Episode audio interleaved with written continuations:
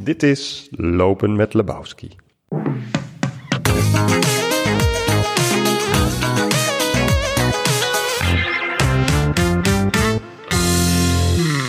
Vrienden en vriendinnen van de literatuur, welkom bij een abnormaal feestelijke editie van Lopen met Lebowski.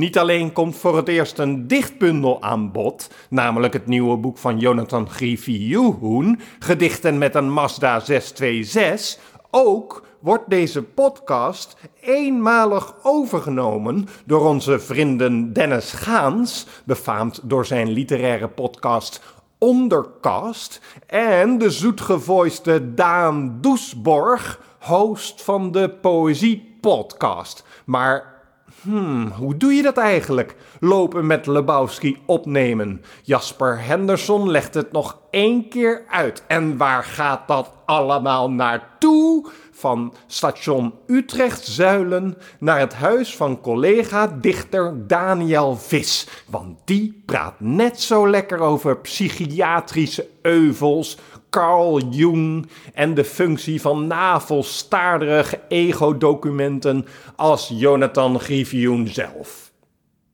Amusez-vous! Zul je hier zo net, net? Ja, goed. Of wil je, wil je dat mensen het zien? Nee, nee, nee, helemaal niet. Liever niet.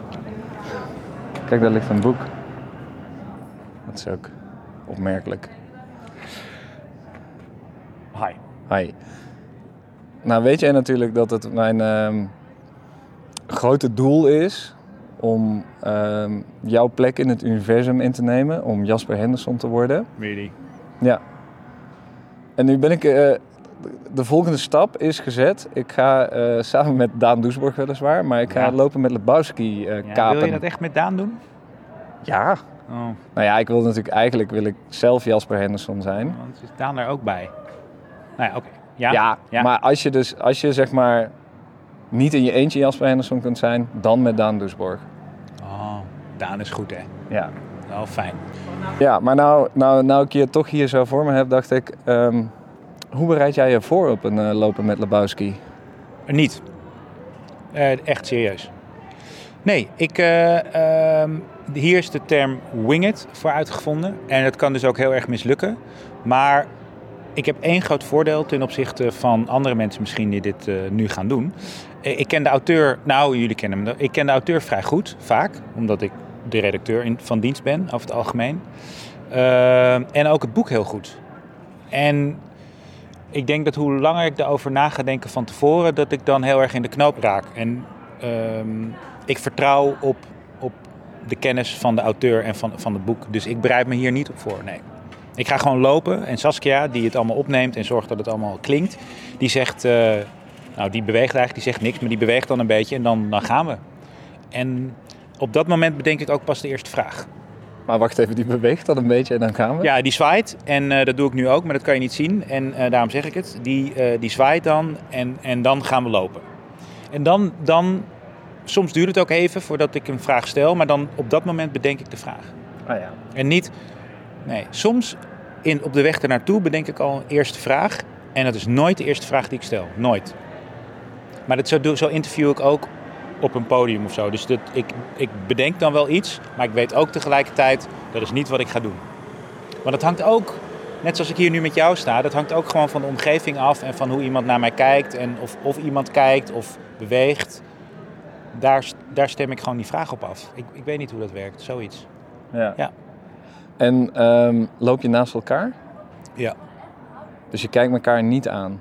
Soms, maar ik kijk als ik loop in het dagelijks leven ook nooit omhoog. Dat vinden mensen vervelend. Ik fiets ook met mijn blik naar beneden en ik loop met mijn blik naar beneden. En regelmatig komt het voor dat mensen me later tegenkomen en zeggen: Maar waarom zwaaide je niet? En dat komt omdat ik naar beneden kijk. Eh, ja, om- omdat ik altijd dan, eh, dan kan ik beter nadenken. Ja. Dus eh, dat zou wel een tip zijn, naar beneden kijken. Kijk naar beneden, kijk Jonathan niet aan. Maar ik heb ook een tijdje, ik heb ook een keer toen we een hondje tegenkwamen, dat was met Elke Geurts. Ehm, en dat hondje was op Eiburg, bij de Gold Coast van Eiburg, is een wijk in Amsterdam. En daar wonen hele rijke mensen. En die was een vrouw in een heel mooi joggingpak. En die had een hondje bij zich waarvan zijn achterste, zijn achterste helft hing in een karretje. Zoals van een Romeinse strijdwagen, weet je wel, van Spartacus in, de- in zo'n arena.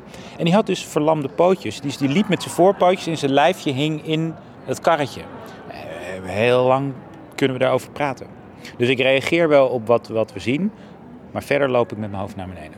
Oké. Naar beneden kijken, reageren op eh, wat je ziet. Ja, Heb dat, je... moet- maar dat moet je wel doen. En ook gewoon echt opmerken van eh, ja, alles wat je nu doet. Nu zit er een meisje tegenover ons te bellen onder een boom.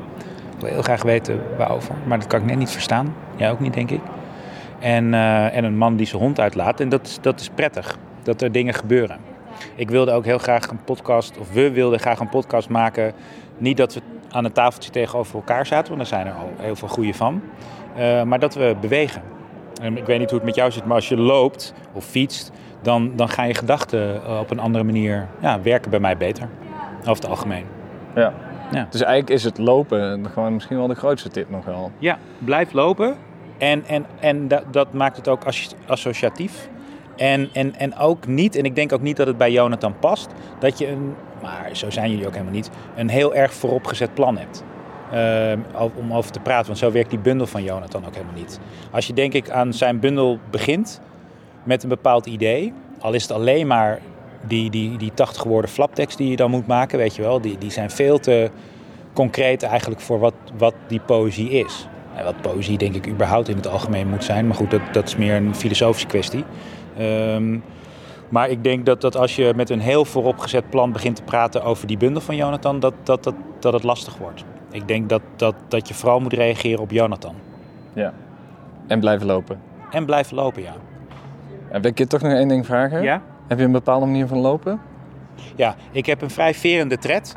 eh, en daar ben ik niet trots op. Dat vind ik vervelend. Eh, eh, ik heb geen swag, swagger, zeg maar. Ik heb geen zwaaitje in mijn loop. Je veert omhoog. Ja, maar ik zak ook iets licht door mijn onderrug, waardoor ik op een gegeven moment ook wel last krijg van mijn rug. En, ehm, ik, ik, eh, en ik loop net te snel. Maar dat probeer ik tijdens de podcast echt in te houden. Dus als ik in het normale leven loop ik veel te snel.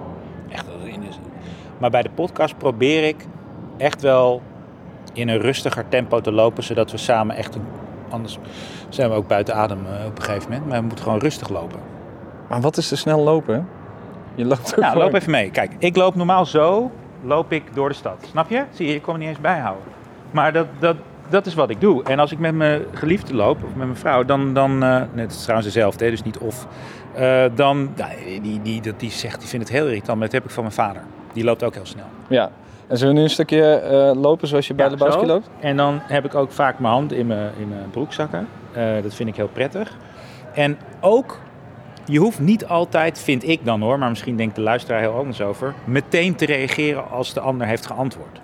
Je kan ook best, mag ook best. Dat is het fijne van lopen, er is altijd wel geluid. Dus, dus het is nooit helemaal stil. Het is niet dat je dan, als er niemand iets zegt, dat er dan radiostilte is. Wat mensen dus kennelijk op de radio heel naar vinden. Terwijl je kan ook gewoon, er is altijd wel, nou zoals nu, kan nu, nu ga ik even ophouden.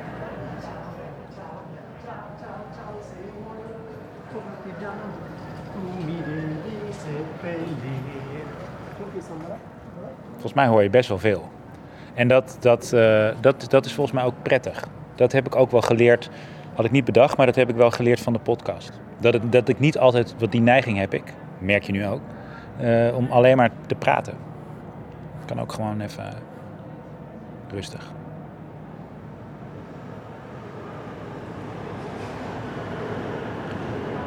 Dankjewel. Alsjeblieft.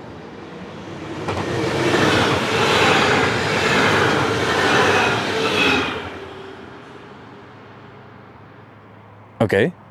Ik sta dus nu op eh, station Zuilen, Utrecht Zuilen, te wachten op allereerst Daan Doesborg, die samen met mij eh, lopen met Lebowski over gaat nemen. En vervolgens gaan wij samen wachten op Jonathan Griffioen. Hey, ben jij niet eh, Daan Doesborg van de Poëzie Podcast? Dat ben ik, in hoogst eigen persoon. Hallo. Hey. En hè? Hm? En hè? Anne? Ja, alles goed hè? We moeten, eh, gaan lopen. Ja. Ehm, ik denk dat Jonathan Dijk aan die kant aankomt. Oké. Eh, want eh, ik denk dat ik één trein eerder had, zodat ik dit kon doen. Ik heb dus eh, met eh, ja, de reguliere host van dit programma gepraat, Ja. Jasper Henderson. En eh, wat tips verzameld voor ons. Oké. Waar loop je naartoe? Je bent nu al aan het lopen. Naar de trap. Toch? Nee, Oh, de- op dit spoor. Oh, hè. Ja, Ja. oké. Maar tips van Jasper. ja, allereerst langzaam lopen, Mhm. naar de grond kijken, Ja, maar wel opmerken wat er gebeurt. oké. En dat ook een, een plek geven. Ik eh, heb vooral moeite met langzaam lopen, want dat ligt niet in mijn natuur. Maar, eh. We moeten, maar, moet, moeten er maar wat van maken. Ja. ja, Jasper zelf ook, maar hij, eh, hij, hij ging dan heel bewust langzaam lopen. Zeg. Oh ja. En dan zei hij, kijk, een stuiver. Hoe verwerk, verwerk je stuivers in je poëzie? Jonathan. Misschien, misschien zo. Oké. En eh, er mocht ook stilte bestaan. Oh ja. Want er is geen e- echte stilte, zei Nee. hij, als je loopt. Nee, dat klopt. Ja, dat. En voor de rest zei ik, bereid je er nog op voor? En dan zei hij, nee, dit is echt waar de term wing it voor is uitgevonden. Dat lijkt wel de poëziepodcast. Wil je even, misschien even kort iets vertellen over de Poëzie-podcast aan? Ja, het is een eh, podcast met extreem weinig voorbereiding. Over poëzie. Ik maak die. En ehm, het is heel tof, vind ik zelf. Dat was het eigenlijk. Ja, ja. Je hebt niet zoiets van, ik vraag jou naar onderkast of zo. Nee. Maar nu dat je dat, dat toch zelf met bruut geweld ingefietst hebt.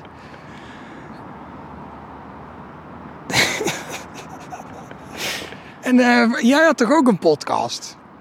Ja, klopt. Dat is onderkast. Ja. Eh, dat is een literaire podcast. Dus Oh. eh, met meer dan alleen poëzie. Oh, Je eigenlijk leuker. Ja, dus je zou eigenlijk kunnen zeggen, een soort poëzie-podcast, maar dan met meer. Ja, precies. Oké, dus dan kan je beter dat luisteren, want dan heb je en poëzie en ook alle andere dingen. Ja, boeken, tips, proza, toneel. Heb ik allemaal niet. Nee. Maar je hebt dan weer hele mooie, lange gesprekken. Ja, dat klopt. Ik kan wel gewoon de tijd nemen voor dingen, want ik hoef al die andere dingen niet ook nog. Ja. Ik weet wel, toen eh, Jonathan eh, in de Poëziepodcast te gast was, want dat was hij een keer. Toen hadden we het wel over dat ze in zijn nieuwe bundel heel veel, eh, heel veel ruimte was vrijgemaakt voor de Mazda 626. En we waren het wel over eens dat eigenlijk de enige andere dichter die met goed fatsoen een Mazda 626 zijn gedichten in zou kunnen fietsen, dat was toch wel Dennis Gaans. ja, ik heb dat gehoord natuurlijk. Ja, precies. Want je hebt ook alle afleveringen van de Poëziepodcast geluisterd. En eh, dus ik vind het wel leuk dat wij dan nu met z'n drieën het hierover gaan hebben. Ja.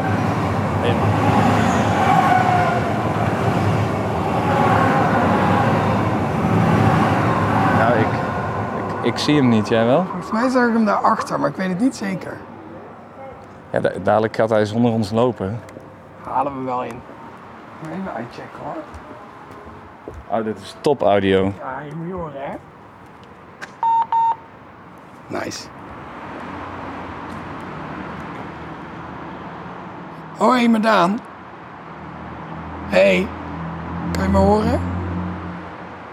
Oh, oh, oké. Oh, oké, is goed, dan wachten we nog even. Tot zo. Vijf over half. Is hij daar? Hij zit in de bus. Dus we moeten op zoek naar een busstation. Zit je in lijn 11 richting Overvecht? Oh. Ja, we zijn op zijn, maar ik bedoel, de bus die jij hebt, gaat, is dat de bus richting Overvecht? Oh, dus je komt met de trein. Oké, nou lopen we weer naar boven. Nou, ik vind het echt heel spannend dit. Zou die er nu in zitten? Ik denk het wel. Ja, anders wordt dit een soort wachten met Lebowski. Ja, Hey. daar hebben we hem hoor.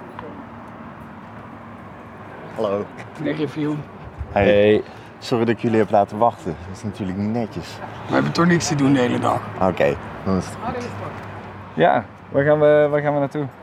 Ga naar, eh, naar Daniel. Maar welke Lul kant moeten we op? Eh, nou, laten we eerst naar beneden gaan. Ja, maar dan het is ook al twee kanten. Het zijn ook Ja? wel twee kanten. Ehm, ja, als we, zeggen- zodra we beneden staan, zie ik het, denk Oké. ik. Ja, ik kan ook even zo'n middeleeuwse straatnaam heeft hij toch? De, de Balderikstraat. Baldrikstraat. Balderikstraat, ja. Ja. Ja, dit moeten we natuurlijk uitknippen. Ja, is tuurlijk. Maar je bent wel aan het opnemen. Ja, het staat er allemaal Ja. op. Ik weet niet of, of mijn route de eh, kortste route is, trouwens. Oh, toch niet. Nou. We zijn, we zijn al aan het lopen, jongens. Ja, echt goed. Dat is het al, hè? Ja, het is best een eh, grappig stukje Utrecht, dit. Het is niet mooi, weet je wat? Het is echt een beetje grimmig. Als we En- een Mazda 626 tegenkomen, moet je gillen, hè? Ja, dat is goed. Moet je een codewoord afspreken voor als iemand een Mazda ziet? Eh, Mazda. Ja, Maar dat dat wilde ik ook zeggen. Lijkt me kort genoeg. Dit is leuk, Eh, maar goed, waarom lopen we hier eigenlijk, Jonathan?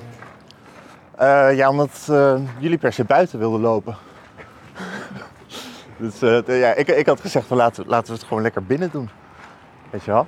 Maar ik moest een plek vinden om, om, om te lopen. En dit is al een plek waar ik dan vaak loop. Of ja, wat, wat is vaak? Ik, ik ga sinds, sinds eh, de zomer van 2016, sinds ik, de, eh, sinds ik die beurs heb gekregen van het Letterenfonds, eh, ga, ga ik wel eens lange, lange stukken lopen.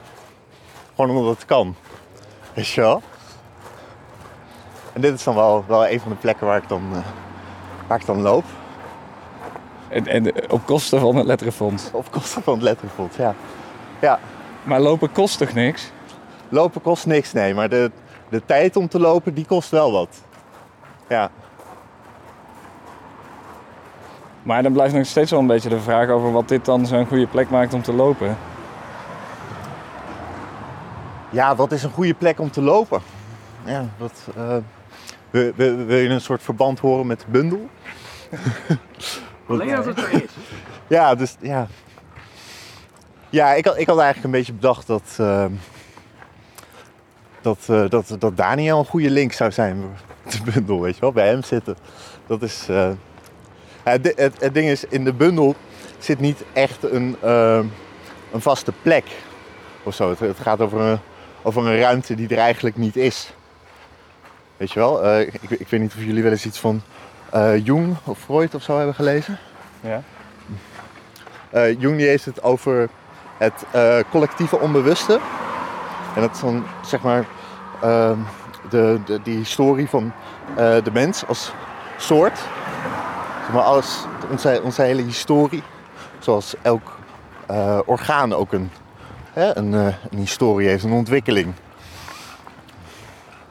En die, die geschiedenis, die, die collectieve geschiedenis, daar kunnen we niet bij. Want je hebt dan zeg maar het persoonlijke onbewuste en het collectieve onbewuste. En in je persoonlijke onbewuste zitten dan allerlei dingen die je hebt meegemaakt, herinneringen, dat soort dingen. Maar het collectieve onbewuste, dat is juist de ruimte waar, eh, waar het ik in ontbreekt. Dat is, hè, dat is de definitie van, van die ruimte. En ja, dat, daar probeerde ik in de bundel soort van bij te komen.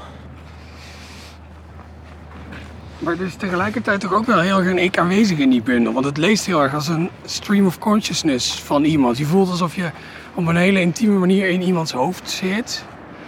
Dus het is tegelijk ook, je beschrijft die collectieve ruimte als iets heel onpersoonlijks eigenlijk. Maar die stem eigenlijk die door die hele bundel klinkt, die is juist super persoonlijk, toch? Ja, je- Snap ik er nu niks van. Nou, nee, ik denk wel dat je het snapt. Eh, het, het, het punt is ook dat je niet, niet echt bij die ruimte kunt komen. Ja, dat is gewoon heel grappig. We lopen langs een audiologisch diagnostisch centrum. Met een microfoon. Dat zijn we eigenlijk ook aan het doen, hè? Audiologisch diagnosticeren. Wat een symbolische verbanden allemaal. Maar niks geen Mazda op de parkeerplaats. Nee. Wel een Nissan. Ja, dat was de concurrent geloof ik. Is dat niet een Mazda? Die blauwe? Geen 1606. Is, dat, is dat een Mazda? Wel. Is het geen Opel? Jullie, jullie gaan nou toch niet de hele tijd mijn autokennis testen, hè? Jawel. Zie je toch? Ja, het is wel een Mazda, Ja, ja. yes. gelijk. Maar goed, we hadden het over die... eh, Collectieve ruimte. Ja, ja daar, daar kom je dus ook niet, niet echt bij, maar het heeft wel heel veel eh, invloed. Weet je, de, de dingen die we hebben meegemaakt een soort, hebben, hebben wel een soort van invloed. Als je, een, ehm, als je voor het eerst een wolf ziet, is dat toch iets anders dan dat je voor het eerst iets, iets, iets zou zien wat de mensheid nog nooit heeft gezien. Weet je wel? Dus, dus er is een verschil in, eh, in dingen niet kennen.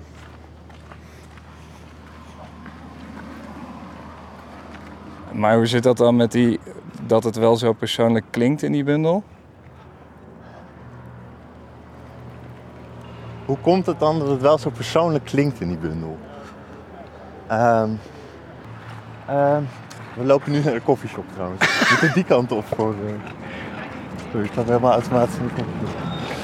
We kunnen ook naar de koffieshop als je dat wil hoor. Eh, nee, laten we nog even. Ik probeer een beetje te minderen. De reden dat het zo persoonlijk is, is omdat ik me eh, van tevoren niet heb eh, druk gemaakt eh, waar het over moest gaan. Ik, ik, ik, heb zeg maar die, die, die bedacht. En ik dacht iedere keer als een gedicht een Mazda bevat, dan is het wel goed. Weet je wel? Waardoor je dus ontzettend veel ruimte krijgt om allerlei shit te doen. Allerlei t- rare vormexperimenten. Ik heb, ik heb een heleboel met... Oh, dit is niet handig hè, hier. Oh. Het is niet echt handig. Ik ben ook helemaal kwijt waar ik was. Vormexperiment. Vormexperimenten, ja. Ja. Eh, de, dingen met Google Translate, eh, spraakcomputers, eh, bekende gedichten, daar dan gewoon een Mazda tussen zetten. Weet je wel, dat soort, eh, dat soort fratsen allemaal. En als je, als je jezelf niet voorneemt om bepaalde dingen te doen, dan komen er vanzelf heel persoonlijke dingen bovendrijven. Dan stop je er niet alleen een Mazda in, maar als je, terwijl je bezig bent, merk je dat je er per ongeluk ook allemaal andere dingen in gestopt hebt. Ja, per ongeluk. eh, in ieder geval onopzettelijk, ja. Ja. Maar het- kijk, ik heb een beetje Jung gelezen. Volgens mij is dat ook hoe het werkt, toch? In contact komen met het collectief onderbewuste of onbewuste. Eh, via een proces van wa- wat hij dan individuatie noemt. Oh ja, ja. Ja, en de vrije associatie, hè. Die, eh, dat is volgens mij ook van hem, die techniek. Dat hij een woord, woord riep. En dan eh, moest je als patiënt zo snel mogelijk eh, de eerste associatie opnoemen die je met dat, met dat woord had. Ja. Heb, je, heb je een specifieke vraag? Of? Nee, gewoon. Het, eh, het viel me op dat dat heel, misschien helemaal niet zo gek is. Omdat je dus, je kunt niet op een objectieve manier naar het collectieve onbewuste kijken. Op een objectieve manier? Ja. Nee, nee, natuurlijk niet. Nee. Ik vraag me ook af waarom, waarom mensen dat zo belangrijk vinden. Dat, dat objectief naar dingen kijken. Dat, Miss- misschien hebben we dat ooit echt als een, als, een- als een soort mogelijkheid gezien. Ik weet het niet. Maar ik, ik, ik lees toch best wel vaak ook persberichten dat ik denk van nou zo, zo heel objectief is dit, is dit niet. Ik vind het niet zo objectief om eh, eh, te spreken van een Israëlisch leger en eh, Palestijnse ver- eh, eh, verzetsgroepen. Weet je wel, dat, daar, daar zit echt al wel politiek in. Zo, zo snel gaat dat. Ik weet niet of dit helemaal aansluit op, eh, op wat je zegt. Ja, maar wat was het? Want je hebt wel een poging gedaan om in die ruimte te komen, dus. Maar dat is per definitie persoonlijk. Ja, Ja, precies. Het is een soort, eh, soort onmogelijkheid ook. Ja, Je was eigenlijk al, had je er al rekening mee gehouden dat het sowieso ging mislukken, maar Ja. dat maakt niet uit. Want Nee, de weg daar naartoe levert gewoon heel veel op. ja, ja. En een Mazda. ja en er zit een Mazda in, dus dan, dan is het goed. Maar je weet wel, Ben Lerner van eh, hè, The Hatred of Poetry, dat hij, dat hij zegt dat, dat alle gedichten per definitie mislukt zijn. En ik dacht van, nou volgens mij niet, als je dan gewoon met jezelf afspreekt wanneer een gedicht gelukt is. Als je de lat maar laag genoeg legt. Ja. eh, Ja, ja precies.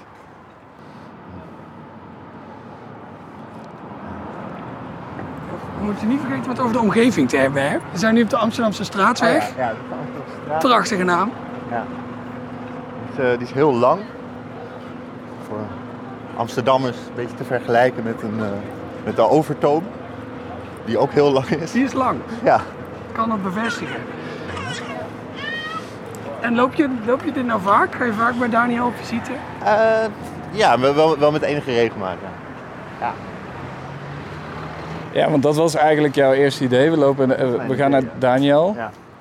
Waarom is Daniel zo belangrijk? Ehm, Daniel Vis trouwens, voor mensen die... ja, het is niet alleen maar Inkraut hè, die dus luistert. Ehm, Daniel is, eh, is eh, in, zijn poëzie ook heel veel bezig met het bewustzijn. Met eh, de manier waarop er over het bewustzijn gesproken wordt, hoe ermee wordt omgegaan. En die, eh, die, die thematiek delen we. En daar hebben we het vaak over. Weet je, eh, de manier waarop, waarop poëzie vaak eh, in de aandacht wordt gezet is toch... dat, wordt dan promotie gewoon voor zo'n individuele dichter die dan in zijn eentje geniale dingen doet. Ik, ik, ik denk niet dat dat, dat, dat dat de werkelijkheid is. Ik denk dat, dat er een heleboel dichters zijn die gewoon met elkaar praten. En dan is het toch een soort eh, ja, semi-gezamenlijk project, denk ik. Jullie zijn daar een soort self-fulfilling prophecy-achtig voorbeeld van. Ja, een so- soort, soort semi-collega's, zeg maar. Een soort, Een school zou je ook kunnen zeggen. Met z'n tweeën. Ja, precies. Met, ik denk wel dat, dat Daniel zeg maar, eh, anders, anders erin staat dan ik. Terwijl we ook dezelfde, wel, wel een soort van dezelfde thematiek behandelen. En hoe dan anders? Eh, Daniel is, heeft, heeft niet zoveel behoefte aan, eh, aan het eh, zalvende effect van, van, van poëzie. Weet je wel, dat, eh, de troost. En, en ik wel. Juist. Ja. Ik weet nog dat ik eh, eh, dagsluiting was. Ken, je- ken je dat gedicht van Gerard Reven? Ja. En eh, ja, toen ik dat las, eh, wilde, wilde, ik het liefst dat de, hele tijd dat, dat moment kunnen herhalen. Misschien, misschien wil ik dat ook, wil ik het liefst zulke gedichten schrijven. Gedichten die, ja, waar toch een soort troost in zit. Ik heb daar geloof ik wel gewoon behoefte aan. Even kijken hoor. Uh,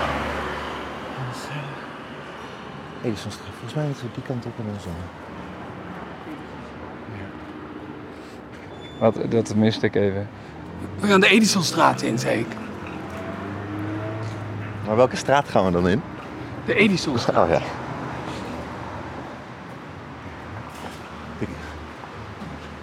Maar, dus als ik, als ik het heel flauw zeg, Ja. heb je, eh, kunnen we in ieder geval tot de conclusie komen dat je een bundel hebt geschreven die zich niet tot een plek in de buitenwereld verhoudt, Ja. maar wel tot andere dichters. Eh, ja, nee, dat, dat, dat is een beetje een, eh, een kip-ei-vraag, denk ik.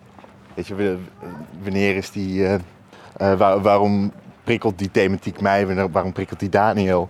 Eh, ik, ik, ik denk niet dat we dat in elkaar hebben aangewakkerd. Ik denk wel dat we eh, het, het eh, soms samen, soms alleen ver- verdiept hebben. Ja. Snap je? Maar wat ik eigenlijk bedoel is dat het eh, minder om, eh, om buiten gaat en meer om binnen. Ja, oh, absoluut. Ja, ja nee, het is, het is echt een, eh, een, eh, een heel navelstaarderig eh, ego-document wel. Ja, ja. Ik vind, ik vind ook dat, dat we daar wat, wat, eh, wat meer respect voor zouden moeten hebben. Voor navelstaarderij. Ja, ja ik, ik, je hoort wel eens van die dingen als ehm, hoe kun je schrijven over een gesprek in de keuken terwijl er oorlog in Syrië is. Weet je wel? En ik vraag me dan af waarom moet je als dichter per se bij zo'n enorme tragedie betrokken zijn, die, zeg maar, eh, die zich op een plek afspeelt waar je helemaal niet vandaan komt. Die je alleen maar kent via de, via de media, via verhalen. Misschien Waarom- waarom omdat poëzie een troostend vermogen heeft. Maar ben jij dan degene die, die, die daar iets troostends over moet zeggen? Of, ik, ik, ik vind dat je beter ehm, vanuit, vanuit je eigen positie dingen kunt waarnemen. En het over die dingen kunt hebben. Dat, dat, dat daar veel oprechtere dingen uitkomen dan... ehm, ja, ook weer niet per definitie hoor. Maar, maar ja, nee, ik denk wel dat daar oprechtere dingen uitkomen dan... eh, wanneer je iets op, basis van een, van een nieuwsartikel schrijft.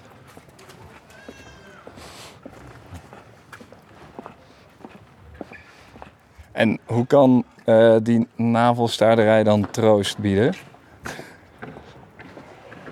Is flauw, hè? Maar Ehm, het is denk ik wel ehm, prettig wanneer je in een bepaald bewustzijn zit. Zeker wanneer dat bewustzijn afwijkt van an- andere vormen van, eh, van bewustzijn. Om daar eh, iets van te herkennen in een, in een gedicht. Ik, had, eh, ik heb laatst de bundel van Julian Harmens gelezen. En daar heeft hij het over het verleden dat hem te langzaam verlaat. En daar, moet ik misschien bij vertellen dat hij eh, autistisch is. En ik ook. En dat ik dat, dat dan heel erg herken. Weet je wel, dat je altijd zo'n backlog hebt van, eh, van de dag. Als je dan alleen bent. Een soort, of je het nu wil of niet, al die eh, herinneringen weer opnieuw langskomen. Jung die zei, ehm, we moeten de psyche onderzoeken, omdat de psyche de bron is van alle toekomstige kwaad. Ja, En jouw voorstel is om dat te doen met een, eh, een reeks navelstaardige, Ja, ja. ego-documenten. ja, ja nee, nee, maar echt. Ja, ja ik, ik denk wel dat we daar iets aan hebben. Ik vind het heel gek dat we, dat we ehm, wel een, eh, een ruimteprogramma hebben, maar weet je wel, met, met astronauten, maar niet een soort psychonauten-programma. waar- waarom zijn we daar niet veel meer mee bezig? Vraag ik me dan af. Eh, Nu klink je heel erg eh, jaren 50. Ja, eh, vind je? Vind je dat jaren 50? nou, hoe heet, die, hoe heet die knakker van die LSD ook alweer? Ja. Ja, die dan, die dan vond dat iedereen LSD moest gebruiken. Zeg maar. Ja. dat, dat vind ik niet. Ik denk niet dat je zo kunt zeggen van dit is goed voor, voor, voor iedereen. Zo, zo werkt het juist niet. Maar ik denk wel dat, eh, dat er de vrijheid zou moeten zijn om eh, met dat soort dingen te experimenteren. En, en, en ik denk ook dat, dat, dat er meer een cultuur zou moeten zijn waarin dat eh, gewaardeerd wordt. Ja, Zijn er bijna, hè? ja hij, wo- hij woont daar op de hoek. Het, eh, mag ik zeggen, gore pand met deze airconditioning aan de buitenkant. Zit die snackbar er nog? Ja, die, eh, die Griek. Ja, oh ja, een Griek was het. Die Griekse snackbar, ja. Cafetaria Nikos. Kun je, kun je voor onze lieve luisteraars het huis van Daniel eens omschrijven? Nu we dit mekka van Eh. de poëzie zijn aanbeland. Van de buitenkant of de binnenkant? Ja, doe maar eerst de buitenkant. en De dan buitenkant. de- Ehm, nou, het is een, het is een rijtjeshuis een, van een lang blok. eh, met, een, eh, met een schuin dak. Ehm, de stenen zijn eh, deels verweerd. En er is een deel opnieuw gemetseld. Er staat heel groot en heel lelijk graffiti fame bij de, bij de buurman, nummer eh, die heeft een afgebladderde witte deur. En Daniel die heeft een stoffige paarse deur. Met een nee-ja sticker erop. Ik had bij Daniel eigenlijk een nee-nee sticker Ja, verwacht. ik wilde het net En jullie? Ja, misschien kunnen we hem daarna vragen. Oh, de bel doet het, eh, doet het niet. Dus wat dus we, moeten we gaan- doen? we gaan eventjes kloppen. Oké, Als je auditief Heel natuurlijk ook echt heel goed. ja. Ik zie hem al. Hij is thuis, dat, dat is mooi. Doe gelijk dat ding in zijn bek. Ik ben een fucking ja. Kom binnen. Het is ook slecht geïsoleerd, het huis van Daniel. Ja, zeker. Nou ja, het, het, het bewijst maar weer dat, dat Daniel misschien de wereld wat meer binnenlaat dan jij. Oh, Oh, dat, dat lijkt me sowieso. Ik denk wel dat, dat Daniel de wereld meer binnenlaat. ja, daar heb ik Ja. ook zo'n last van. Thee. Lekker. Lekker. Ja. Nou, nu zijn we binnen, dan kan je meteen de binnenkant doen. Aan de binnenkant, ja. Ehm, nou, laten we beginnen bij de postermuur. Waar eh, Daniel al zijn helden heeft opgehangen. Ehm, zoals Ramsi Nasser, eh, Remco Kampert, eh, Gaddafi, Osama Bin Laden. Oh, hoe heet dat? Ik vergeet altijd of het Kim Jong-un of Kim Jong-il Dit is is. volgens mij Kim Jong-il. Oh ja, ja. ja. Wat vind je van zijn zoon? Ja, die, die, dat is, die is te jong nog. Is Die jong? heeft te weinig levenservaring. Ja. En verder? Eh, nou, een eh, bijzonder eh, technisch hoogstaande tv van het merk Hitachi. Een stoffige stereotoren van Sony uit het jaar, nou wat zal het zijn, 93 Daniel? Ik denk wel uit de jaren 90, ja. De jaren 90, ja. CD-wisselaars nog geil en hip waren. Ja. Een, ehm, een gitaar. Daniel is ook eh, singer-songwriter. Dat, dat weten niet veel mensen. Maar het is een soort Ed Sheeran worship-achtige... ja. Ehm, hij heeft laatst de keuken laten vernieuwen. Je had eerst, je had, je had eerst dat, dat, dat de kraan helemaal verzonken was in het, in het aanrechtblad. Dus dat je, dan moest je hem zo vasthouden. Anders kon je die lever niet omhoog trekken. Zullen we het over het fornuis hebben? Want ze hebben toch een beetje de olifant in de kamer. Is dit de olifant in de kamer? Is dit. eh, Ik vind het wel meevallen. ik vind het echt wel meevallen. Ja. Ik vind het. eh, ik vind... Heb je opgeruimd? Nee, niet specifiek hiervoor in ieder geval. Een enorme taakbereidheid heeft die jongen toch, hè? Ja. En dit is dan de bijkeuken, de wc. En de tuin. Hier, hier ben ik nog nooit echt geweest. In de tuin of in de bijkeuken? Gewoon buiten. Nee, hier in de tuin. Ja, het is volgens mij ook niet echt bedoeld voor mensen om. om- Volgens mij vindt Daniel het niet leuk of zo. Als mensen in zijn tuin zijn. En hier staat dus de waterkoker. Oké. Je Earl Grey? Ja. Lijkt me niet meer dan toepasselijk dat wij een zakje delen. Ik weet niet precies wat dat betekent, maar ik word er onnoemelijk geil van. Ja, dat dacht ik wel. Daan Doesborg en Dennis Gaans. Twee billen in één bekoek, hè? Ja, ja, ja, zeker. Wat zou Jong daar ook alweer over zeggen? Oh god, nee, jij zitten we daar ook alweer in. Eh, nou, bij Jong was het geloof ik zo dat, eh, eh, dat het er dan vooral om ging over welke woorden je lang na moest denken. Omdat dat dan iets zei over de delen van jezelf waar je, waar je moeilijk bij kan. Dus als je dan, als, als hij zei moeder en, en je moet heel lang denken over een, over een associatie, dan is dat... Indicatief. Ja, precies, dan, dan, dan, dan wil dat iets zeggen. Het is zo'n zo'n jungle-vergelijking, weet je wel. Als je naar zo'n jungle kijkt, dan eh, zijn er altijd delen die eh, helemaal donker zijn. Maar ik bedoel, indicatief, oké, maar als je dan dus heel lang moet nadenken over de associatie borst, is dat dan indicatief voor het niet hebben ontvangen van borstvoeding en daarmee een soort hechtingsproblematiek? Of het feit dat je zelf gewoon heel weinig manboep hebt en die gevolg niet snel denkt aan borst? Nou, ik, ik denk niet dat je zo ver kunt gaan zeggen van, eh, van oh, als je drie seconden wacht, dan betekent het dit. Of zo, het, het, het, het wil denk ik vooral zeggen dat, dat, je, dat je daar dan een... eh, eh, dat, dat er daar ergens iets zit. Weet je wel? Dat, dat je... dat bij het woord het woord moeder dan eh, bepaalde eh, dingen denkt of hebt, hebt meegemaakt waar je eh, niet direct bij kan. Dus wat, wat minder specifiek. Ja, en als je dat dan vaak genoeg doet met allerlei verschillende mogelijke associaties bij moeder, dan wordt duidelijk of zeg maar dat in het collectief onbewuste concept van moeder bij jou problematisch onbewust aanwezig is, waardoor je neurotisch bent. Dat is ook weer heel specifiek. Hè? En volgens mij werd het gedaan in een reeks woorden.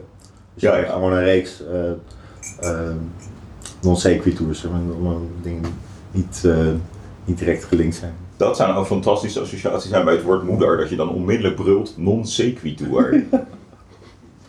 Wat, ja, wat zegt dat over jou dan? ja, dat, ja, dat weet ik nog niet, maar het voelt heel goed om dat te doen. Dat, hé, hey, daar zit een spin met allemaal kleine zwarte vlekjes om zich heen op het plafond. Heeft iemand ooit zoiets gezien?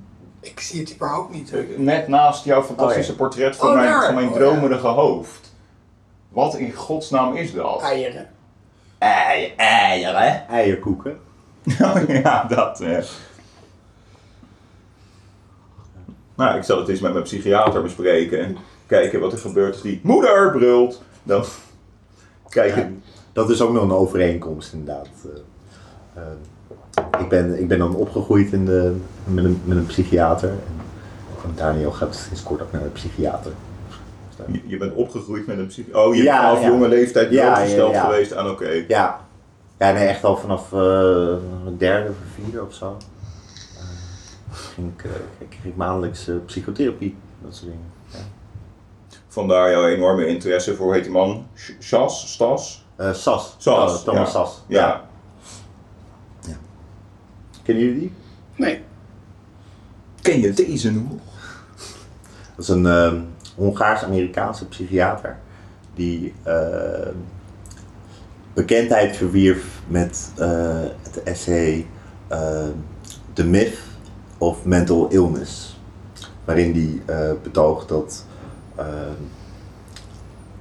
alle, alle beelden die in de, in de DSM staan geen ziektes zijn. Zeg maar, omdat een, eh, een ziekte wordt vastgesteld door de eh, eh patholoog ana- anatoom. Weet je nadat iemand is overleden, dan, kijken ze willekeurig ergens in het lichaam en dan zeggen ze hier zie je dat het weefsel is aangedaan of hier zit een mutatie en dat komt dus door, door, door een ziekte. Dat is, dat is hoe geneeskunde werkt. Maar dat kan helemaal niet bij psychiatrie. Je hebt helemaal geen ehm, fysiek bewijs van, eh, van, van, van schizofrenie of van, eh, van autisme, van eh, persoonlijkheidsstoornissen. Zo, dat, zijn allemaal een soort enigma's. En dat wil, dat wil niet zeggen dat die beelden niet, ehm, niet nuttig zijn of leugenachtig, maar wel dat het geen ziektes zijn. Zo. Het, zijn het zijn echt een soort mythes. Ja, wel natuurlijk wel een want de, heel veel ziekte wordt natuurlijk ook gediagnosticeerd bij leven. Ja. Waarbij open snijden meestal niet de aangewezen route is om dat te doen. En dan, wordt, dan volgt dus een heleboel van de diagnose daar ook op louter symptomen. En hier en daar natuurlijk tekens. Maar in feite zou je natuurlijk kunnen zeggen dat wat iemand zegt op zo'n, binnen zo'n psychotherapeutische context ook het weergeven van symptomen is. Dus misschien niet zozeer de zin van wat Maar iemand vaak is zegt. daar dan wel eh, een. eh, eh, pat- weet je, als je het echt over, over andere medische velden hebt, dan is er vaak wel zo'n diagnose van een patholoog-anatoom aan vooraf gegaan. En dan kun je daarna op basis Ja, van manier, symptomen en hoe die zich presenteren, dat zeggen. Het is waarschijnlijk dit, maar dat weet je dan inderdaad niet met 100% zekerheid. Dus eigenlijk zou je volgens SAS op zoek moeten gaan naar de patholoog-anatoom die je homunculi kan, kan ook besnijden. En dan kan zien waar, daar, ja dat is dat rare beeld van, is dat Descartes? Ja toch? Die, eh, die zoekt ergens, eh, de- de- de- als dualist is dat natuurlijk een beetje problematisch.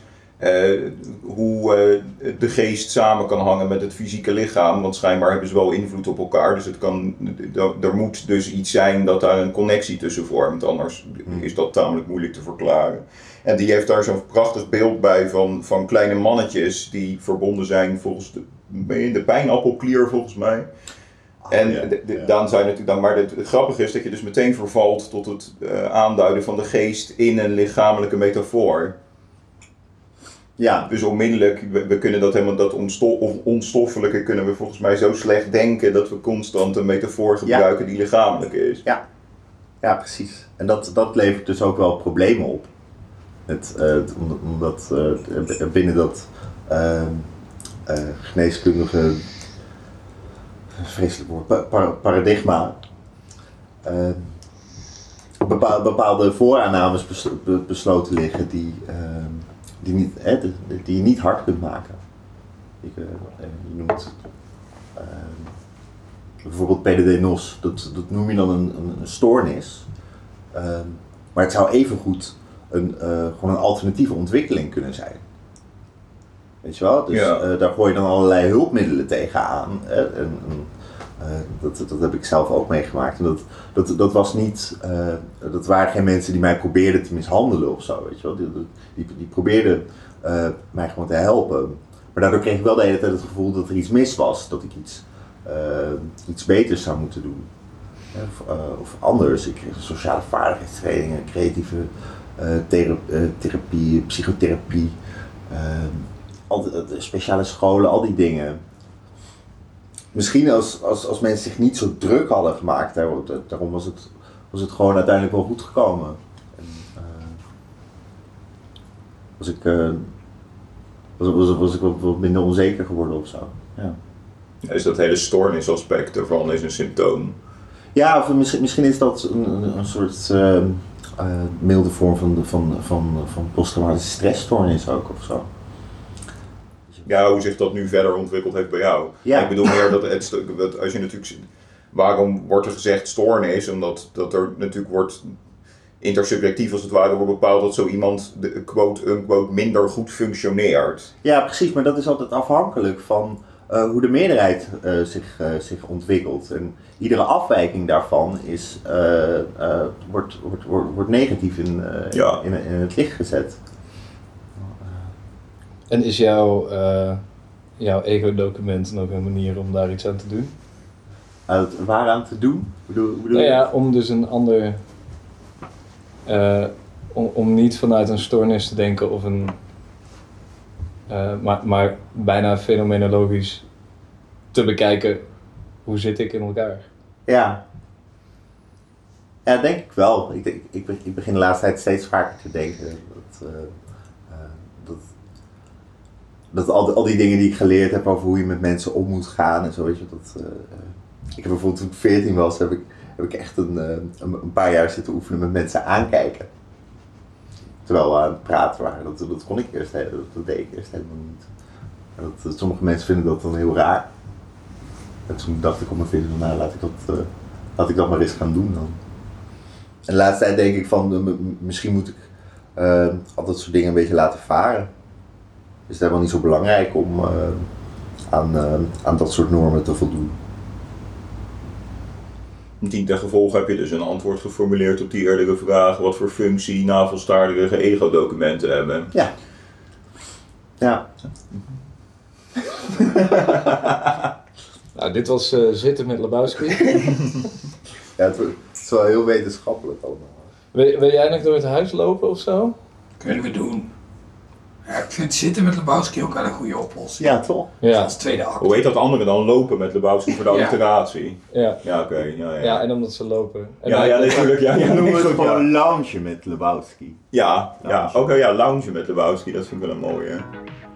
Lampstraal erin lullen met Lebowski. ja, dat, oké.